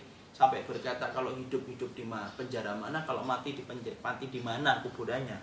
Nangis. Tapi kemudian sekejap dia berhenti dari tangisannya ketika ngomong apa doanya? Hasbunallah. Langsung berhenti. Masya Allah ya doa itu kalau diucapkan sama orang yang ngerti betul. Hanya kepada Allah dia bersandar itu beda. Saya tuh dengerin kata hasbunallah tuh sering dari kecil. Tapi beda banget ketika mendengarkan itu dari seorang ibu-ibu yang tua ketika datang ke rumah sakit dalam kondisi gula darahnya nyentuh 500 tapi kuat banget. Kenapa dia bersandar kepada Allah Subhanahu jadi di situ kita memahami indahnya Nabi Ibrahim itu apa tidak pernah lepas dari doa. Banyak sekali doa-doanya Nabi Ibrahim diabadikan oleh Allah di dalam Al-Quran menjadi pelajaran untuk kita. Tuh, kalau kekasihnya Allah aja terus meminta dalam doa, tuh kalau kita kok nggak minta doa terus gimana? Mau kekasihnya Allah loh. Padahal seorang kekasih tidak akan pernah meninggalkan kekasihnya. Seorang kekasih tidak akan pernah menyanyiakan kekasihnya. Seorang kekasih tidak akan mendolimi kekasihnya. Itu kan kalau kita bicara tentang Ibrahim dengan Allah kan gitu. Mau kekasih kok Allah yang menyebutnya Khalilur Rahman kok tapi ternyata Nabi Ibrahim tidak pernah lepas dari doa. Kenapa? Dahsyatnya doa. Dan itulah yang harusnya menjadi sumber kekuatan bagi hambanya Allah. Doa, doa, dan doa. Itu yang kedua. Sekarang yang ketiga. Kita ambil. Yang ketiga mari kita baca surat As-Soffat 102.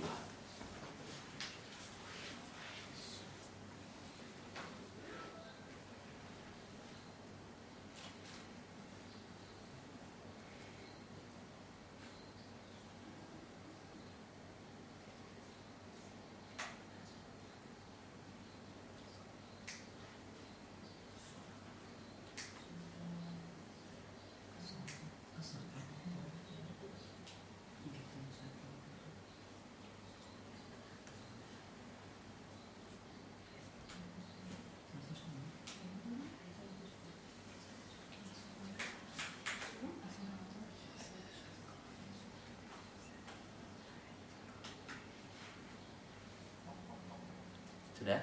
Kita baca. Siapa yang tidak ketemu? Baca. Maka tatkala anak itu sampai pada umur sanggup berusaha bersama-sama Ibrahim, Ibrahim berkata, Hai anakku, sesungguhnya aku melihat dalam mimpi bahwa aku menyembelihmu. Maka pikirkanlah apa pendapatmu. Ia menjawab, Hai bapakku, kerjakanlah apa yang diperintahkan kepadamu. Insya Allah kamu akan mendapatiku termasuk para orang yang sabar. Tuh. Di sini yang ketiga yang kita dapati pelajaran yang penting dalam kehidupan Nabi Ibrahim yang Allah maktubkan di dalam surat As-Saffat 102 itu apa? Yaitu adalah taat tanpa tapi, patuh tanpa syarat. Nih, kenapa? Karena sesungguhnya nampak betul bagaimana taatnya seorang Ismail dan patuhnya seorang Ibrahim. Patuh tanpa disertai dengan syarat, taat tanpa disertai dengan tapi. Sebelum saya nerangkan lebih panjang lagi, dialog ini diabadikan oleh Allah loh, ngelewatin lorong sejarah ribuan tahun sampai ke kita hari ini. Dialog ini sudah ngelewatin ribuan tahun. Ya. Tidaklah Allah abadikan satu dialog kecuali apa? Kecuali di situ di dalamnya ada ribuan hikmah. Karena Allah ridho banget terhadap doa, terhadap dialog ini sampai Allah abadikan. Dan kalau kita membaca di dalam tafsirnya, kalau kita membaca dalam kitab Al-Bidayah wa Nihayah, ternyata dialognya itu kemudian hanya tidak hanya berhenti di situ. Bukan hanya berhenti ani ini arafil manami ani adbahu kafang dermada qala ya abati fal matu marsata juduni insyaallah minas Bukan hanya itu saja. Tapi kemudian di situ dialognya itu berlanjut ketika Nabi Ismail ketika Nabi Ibrahim dan Nabi Ismail kemudian sudah pasrah, ternyata dialognya itu berlanjut. Apa dialog lanjutannya? Nabi Ismail itu berkata itu. Nabi Ismail itu berkata kepada siapa? Nabi Ismail berkata kepada Ibrahim, Usdud ribati hatta la at-tarib. Eh, wahai ayahku, ini kencengkan ini, kencengkan ini. Tanganku ini sama kakiku ini. Hatta la at-tarib, supaya kemudian tidak bergerak-gerak. Masya Allah Dulu sebelum saya membaca apa yang disampaikan oleh Imam Ibnu Katsir dalam kitabnya Al-Bidayah wa Nihayah menyangka bahwasanya Nabi Ibrahim itu dan Nabi Ismail cuma ditidurkan di atas batu, di atas pelipisnya, kemudian langsung diayunkan itu goloknya, disembelih. Ternyata enggak, diikat. Kayak ngikat kambing. Diikat, kemudian diikat. Dan ketika kemudian sudah ditidurkan, ternyata Nabi Ismail itu merasa bahwasanya ikatannya itu kurang kenceng tapi Ismail yang ngomong musdud ribati hatalah atau eh, ayahku ini nih ini kurang kenceng ini coba coba kencengkan dulu supaya tidak bergerak-gerak masya Allah loh pada saat itu mereka tahu nggak kalau akan diganti dengan domba? Tidak ngerti. Kalau akan ngerti diganti domba kan beda cerita ya kan? Tidak ngerti. Ayo potong-potong bentar lagi juga diganti sama domba. Betul-betul nggak ngerti. Dan saya nggak pernah duga loh itu. Itulah indahnya kalau kita nyari ilmu. Nyari ilmu kita gali akhirnya kita ngerti kan kayak tadi. Kita hanya tahu oh, ternyata Nabi Ibrahim itu tidak mencari Tuhan. Dia lagi mendebat kaumnya ini pun saya dapatkan dari para ulama salafus soleh ketika mengatakan Nabi Ismail itu kemudian diikat dan kemudian Nabi Ismail sendiri yang ngomong ini cepet jangan terlalu ini apa terlalu longgar kencengkan lagi hatta la supaya nanti ketika disembelih saya nggak bergerak-gerak Masya Allah itu. Selesai? Belum. Bapak dan Ibu tidak akan pernah bayangkan itu. Apa yang luput dari apa yang kita bayangkan itu ternyata terucap, terucap dengan lisannya Ismail. Itu saking detailnya Ismail memandang sesuatu. Lalu kemudian dia berkata, Ukfuf siabaka, hatta layan toji min dami, fatangku sumin ajri, fatarahu ummi, fatahsan. Eh, bapakku udah dikencengan nih, tuh bajumu tolong dilipat. Gamismu dilipat dulu. Supaya nanti kalau kemudian muncratanku kena ke bajumu itu nanti ngurangin pahalaku. Kenapa ngotorin bajumu darahku? Tolong dilipat dulu. Masya Allah masih mikirin baju bapaknya tolong dilipat dulu. Supaya kemudian tidak ngotorin baju kamu. Aku khawatir nanti kalau ngotorin bajumu nanti ngurangin pahalaku itu saking baktinya Nabi Ismail kepada Ibrahim. Makanya kemudian para ulama sampai menerangkan tingkat baktinya Nabi Ismail kepada Ibrahim itu luar biasa. Tapi sebelum kita melanjutkan ini, kita di sini baru paham apa? Bahwasanya ternyata ketika Allah nutup satu pintu kepada kita, Allah tuh bukakan pintu yang lainnya. Apa tuh maksudnya Ustaz pinta pintu, pinta pintu? Maksudnya gini, ketika Allah itu nyulitkan Nabi Ibrahim menghadapi bapaknya sampai bapaknya meninggal, Allah itu gantikan dengan apa? Dengan anaknya Ismail yang super taat sama Allah, super taat sama beliau. Sebagaimana kemudian kita mendapati apa? Maryam ketika ditolak sama kaumnya Allah jadikan dalam rahimnya itu apa? Yaitu seorang Isa yang kemudian menjadi pelipur hatinya. Anaknya saja sampai hari ini tidak mati. Belum meninggal anaknya itu. Insya Allah. Kalau ada syariat ulang tahun itu berarti berapa puluh lilin itu. Alhamdulillah tidak ada syariat ini kan ya. Dalam sunnah itu tidak ada syariat ulang tahun. Ya. Coba kalau ada syariat ulang tahun itu. Nabi Isa itu ulang tahun sendirian. Dia Masya Allah. Ternyata kayak kemudian Rasulullah Muhammad Nabi Muhammad itu Masya Allah, Allah jadikan paman-pamannya itu membenci beliau. Sampai namanya Abul Hikam itu pamannya itu Abu Lahab itu. Itu ngomong kadzab ini ini keponakanku yang keponakanku yang pendusta ini. Tapi Allah jadikan apa? Allah jadikan istrinya itu super maksimal khidmah sama beliau. Masya Allah ya.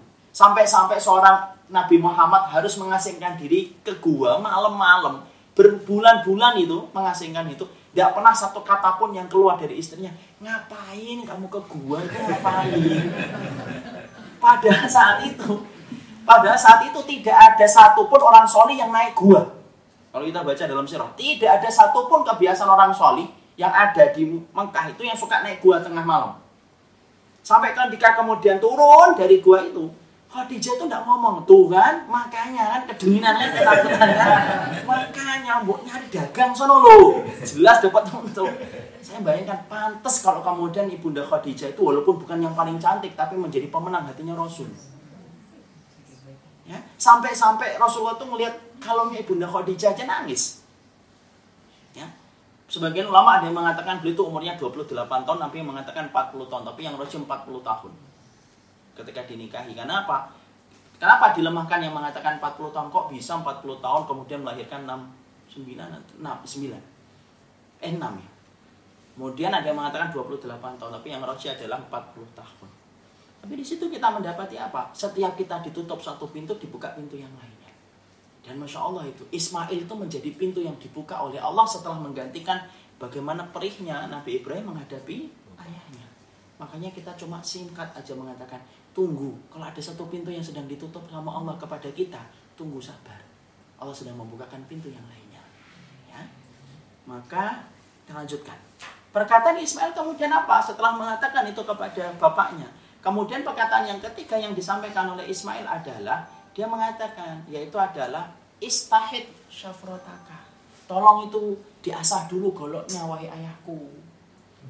Syafrotaka liyakuna asra ala hilki supaya cepat nanti ketika ngelewatin kerongkonganku fa innal mauta indi syadidun karena kematian bagiku itu beratnya luar biasa makanya ada syariat bagi kita dalam sunnah itu apa untuk kemudian mengasah betul golok kita sebelum kita nyembelih kambing itu ya jadi syariat omongannya Nabi Ismail Masya Allah sampai jadi syariat omongan itu maka kemudian setiap gajal itu kemudian diperintahkan bagi mereka untuk kemudian mengasahnya Kemudian yang berikutnya apa? Selesai? Belum.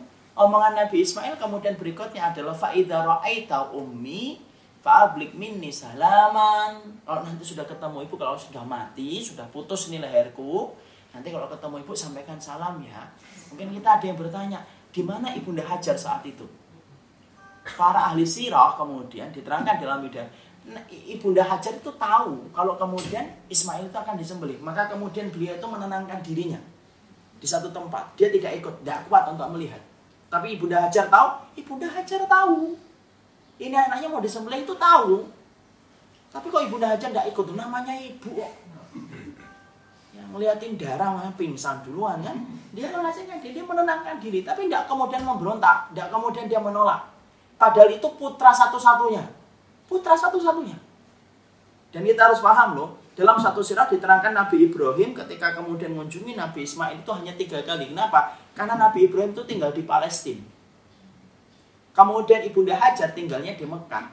Kalau kita melihat dialognya ketika ditinggalkan itu, itu hampir-hampir kita itu tidak percaya ada seorang wanita semacam itu. Nabi Ibrahim itu meninggalkan, yaitu adalah Hajar bersama dengan Ismail yang saat itu sedang menyusu, itu cuma dua.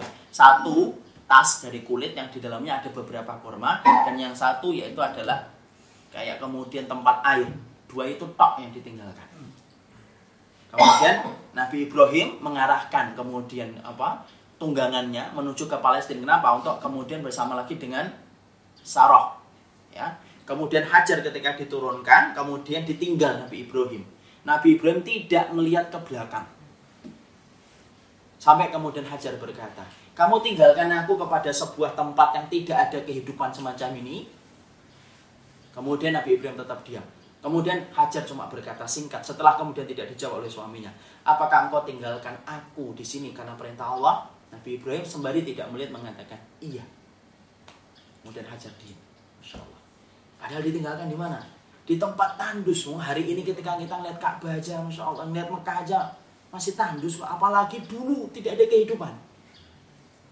Dan kemudian Nabi Ibrahim itu ngunjungin Ismail itu berapa kali? Kalau dalam Sirah Rahikul Maktum, tiga kali tok. Dan salah satunya itulah di situ kemudian ada perintah untuk nyembeli Ismail. Hajar tidak ngomong ini gara-gara kamu sih ke sini. Coba kalau kamu tidak ke sini kan nggak akan ngimpi. Tidak ada omongan kayak gitu, masya Allah. Padahal cuma mengunjungi tiga kali tok. Ya, dan itu atas perintah dari Allah Subhanahu wa taala. Tapi di situlah kita melihat, itulah yang disebut dengan apa? Taat tanpa tapi, patuh tanpa syarat. Ini yang hilang. Kehidupan iman itu ya kehidupan taat tanpa tapi, patuh tanpa syarat. Jadi kemudian syariat itu ternyata tidak ada, tidak membutuhkan kompromi. Apalagi kita ngomong ya dikompromikan. Syariat, syariat Allah itu tidak dikompromikan. Ya kita harus patuh dan kita harus taat. Mau dapetin apa pun kita harus patuh dan taat kok. Yang sering saya jadikan contoh tuh dapetin email Google aja harus patuh dan taat sama Google kok. Kita tidak bisa itu kemudian nolak. Kemudian nomor poin yang kelima saya tidak setuju Google. Nah, Google-nya gampang di ujung telepon ngomong ya sudah cari email yang lain. Padahal cuma cari email. E M A I L A. Email oh, itu harus patuh. Lu dapetin surganya Allah kok milih-milih. Kalau cocok diambil, tidak cocok ditinggal, ya tidak bisa lah. Itu bukan itu bukan tipe khasnya, itu bukan karakteristik iman. Karakteristik iman itu ya taat tanpa tapi patuh tanpa syarat. Dan ingat loh, mematuhi syariat Allah itu untuk menghidupkan kita sendiri. Kenapa? Karena pada dasarnya orang yang tidak mengikuti syariat Allah dan tidak mengikuti sunnah itu pada dasarnya dia mayat hidup. Mana dalilnya? Kita buka surat Al-Anfal 24. Al-Anfal 24.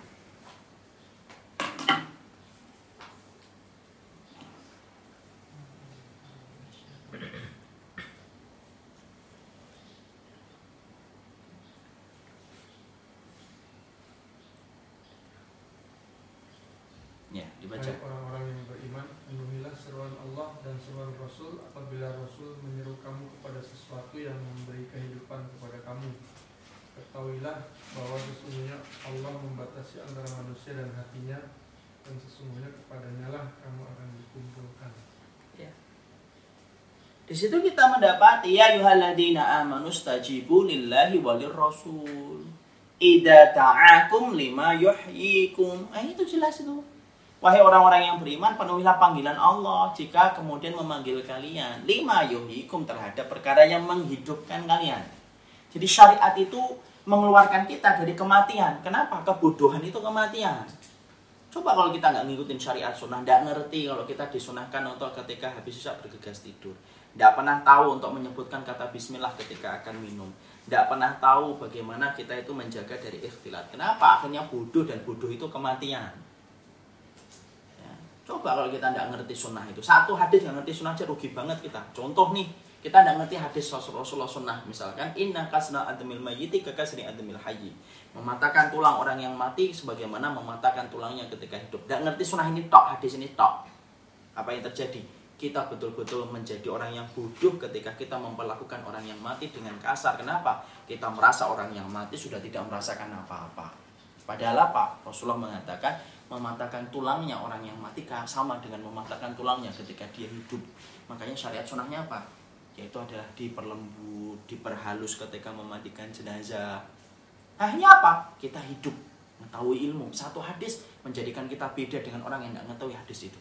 Makanya lihat kan, ada orang yang sampai membakar ketika dia mati di di apa itu dikremasi kalau di daerah Tibet itu sampai dipotong-potong dikasihkan kepada burung-burung pemakan bangkai itu kan pada dasarnya kebodohan dan kebodohan itu apa kematian makanya setiap ngikutin syariat itu apa menghidupkan kita makanya kan kadang-kadang kita ini kalau sudah ngerti kan ya Allah dulu kok masih saya lakukan ya kayak gitu ya coba Sering kita ngomong kayak gitu. Ya Allah, dulu bodoh banget ya kayak gitu aja saya mau. Coba. Kita sekarang baru belajar belum sempurna loh, baru berproses saja sudah merasakan loh. Dulunya kok gitu ya kita ya, masya Allah ya, karena belum paham ilmunya gitu. Itulah syariat. Fungsinya apa? Fungsinya adalah untuk membangkitkan kita dari kematian. Apa? Cukuplah kematian itu disebut dengan kebodohan ketika kita tidak mengikuti sunnah. Ya? Kemudian yang berikutnya kita bahas ya. Itulah pelajaran yang keberapa itu? Yang ketiga. Pelajaran yang keempat apa itu? Pelajaran yang keempat adalah kita ambil uh, kita bacakan dalam surat As-Saffat 9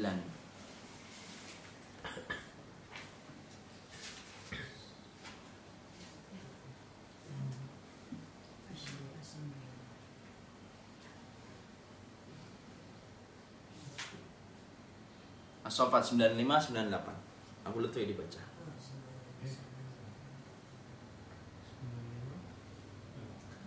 95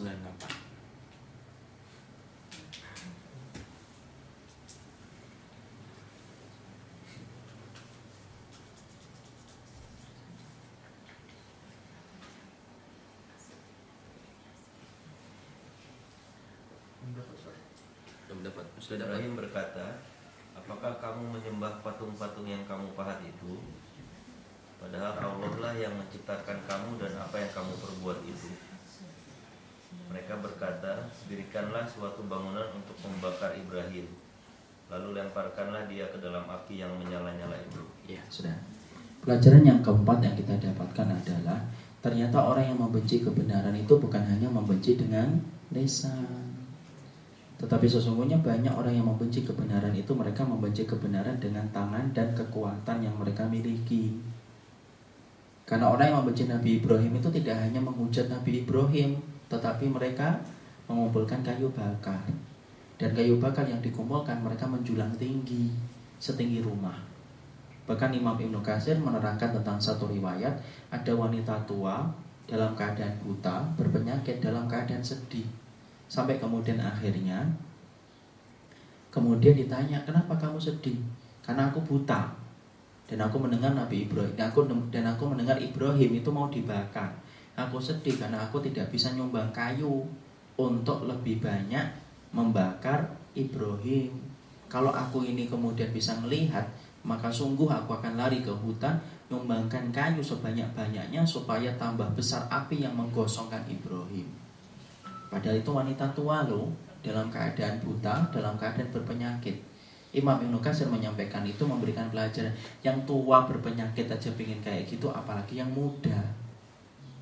Kalau kemudian orang yang membenci kebenaran itu hanya dengan lesan, kejadian Surya tidak perlu terjadi. Perang Badar tidak akan terjadi, perang Uhud tidak akan terjadi, perang di Yaman ketika antara Sunnah dengan Khawsi tidak perlu terjadi.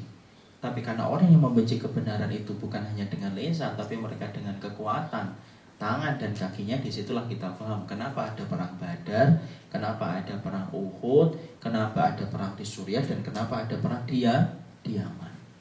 Makanya menjadikan kita harus betul-betul paham membutuhkan betul Islam itu butuh orang-orang yang kuat untuk melindungi kebenaran yang telah ditetapkan dan diturunkan oleh Allah Subhanahu wa taala. Itu yang keempat ini singkat saja. Yang kelima, kita singkatkan karena sudah mau jam 3. Yang kelima, apa kemudian yang kita petik? Yang kelima adalah sesungguhnya berkontribusilah kepada Islam. Kenapa Ustaz? Karena ketika api itu membakar Nabi Ibrahim ada dua binatang yang ikut serta membantu memadamkan api, bukan cicak. Tapi adalah semut dan kemudian adalah kodok. Kalau kodok disebutkan oleh Sonani dalam kitabnya 10 Salam, kalau semut disebutkan oleh Imam Ibnu Katsir. Ternyata banyak binatang yang memberikan kontribusi sama Islam, memberikan kontribusi untuk berpihak kepada kebenaran. Semut itu ketika ngambil air tahu nggak kalau air yang diambil itu sedikit? Tahu. Mampu nggak membakar? Mampu nggak memadamkan? Semut ngerti kok asapnya itu membumbung tinggi. Kalau dibaca-baca dalam riwayat itu membumbung tinggi sampai burung yang lewat itu nanti mati saking panasnya itu. Semut ngerti tapi semut itu memberikan kontribusi walaupun dengan air. Untuk apa? Untuk menunjukkan ini loh ya Allah aku berpihak kepada nabimu Sebagaimana kodok, kodok pun ketika ngambil, kodok pun juga tahu dia itu tidak akan mampu memadamkan api. Tapi kodok tetap ngambil, kenapa? Untuk menunjukkan ini loh yang aku bisa lakukan walaupun hanya dengan membawa air, walaupun tidak memadamkan. Ternyata makhluk-makhluknya Allah, binatang-binatang itu ternyata memberikan kontribusi ketaatan kepada tegaknya kebenaran. Sampai kemudian kita lihat laba-laba aja memberikan kontribusi kan. Ketika Nabi masuk ke dalam gua, langsung laba-laba itu membentuk jaring-jaring dia itu Orang kemudian orang musyrikun yang hampir masuk ke dalam gua itu berpikir tidak mungkin dong Muhammad masuk ke sini, wong di sini kemudian guanya sudah tertutup kayak gini kok dengan sarang laba-laba. Kalau Muhammad ngelewatin sini pasti sarang ini rusak. Tuh laba-laba itu. Ternyata kemudian mereka itu mencintai kebenaran. Pohon korma aja mencintai Rasulullah, mencintai sunnah sampai nangis ketika tidak lagi dijadikan sandaran Nabi. Sampai daging beracun aja memberikan kontribusi ngomong sama Nabi, saya ini beracun ya Rasulullah. Siapa itu daging beracun itu? Oleh Zainab bintul Haris. Dalam Khaybar kan? Maka dagingnya itu ketika dimakan akan dimakan dagingnya itu ngomong saya anak masmum saya beracun. Ya Rasulullah. Lalu daging beracun, pangkal korma, kemudian kodok, semut memberikan kontribusi. Bahkan laba-laba memberikan kontribusi. Sama ini. Kita itu dalam berislam bukan hanya menjadi solih tapi termasuk di antara pertanyaan besar itu kontribusi kita apa untuk tegaknya kebenaran ketika kita melihat hari ini kebenaran dinistakan dan dihinakan. Ya sesuai dengan kemampuan kita. Ada yang bisanya ngajak teman untuk ngaji, monggo. Tapi jangan hanya memperhatikan kesolehan diri tok. Ayo kita berikan kontribusi. Adakan kajian ataupun kemudian nyebarkan ilmu sesuai dengan kontribusi kita masing-masing. Kenapa? Penting loh supaya kita tidak kalah kualitas ketaatan kita dari semua supaya tidak kalah kualitas kita dari ketaatannya kodok dan kemudian makhluk-makhluk yang lainnya. Itu yang kelima. Apa yang keenam? Yang ketujuh, kedelapan, sembilan, dan sepuluh. Waktu jualah yang membatasi. Tidak mungkin kita membicarakan Nabi Ibrahim dalam waktu dua jam. Tapi yang jelas kita baru belajar. Ini saya dari kemarin-kemarin itu mau nyampaikan 10 itu selalu mentok di 4, 5, 6 4, 5, 6 Ada yang 6 di satu tempat itu sampai 6 Padahal ini masih banyak yang kita harus bahas dari kisah indahnya Nabi Ibrahim. Kalau judulnya aja romantis kan kisah kasih Ar-Rahman. Masya Allah walaupun kita belum membahas lima. Tapi tidak apa-apa, semoga kita memetik pelajaran karena bicara tentang bulan Dzulhijjah itu tidak lengkap tanpa membicarakan Nabi Ibrahim alaihi salatu wassalam. Ini yang dapat saya sampaikan. Tidak ada pertanyaan, tidak ada insya Allah. Karena sudah mau menjelang asar, saya ada kajian di Jelanda, sudah dijemput kelihatannya sama ikhwannya. Barakallahu semoga Allah memberikan keberkahan. Saya senang banget kalau kemudian ngajar itu langsung pada paham sehingga tidak banyak bertanya. insya Allah nanti lain kali di majelis yang lebih lapang kita ada pertanyaan insya Allah. Ini yang dapat saya sampaikan. Subhanakallahumma wa bihamdika asyhadu an la ilaha illa anta astaghfiruka wa atubu ilaik. Assalamualaikum warahmatullahi wabarakatuh. Oh.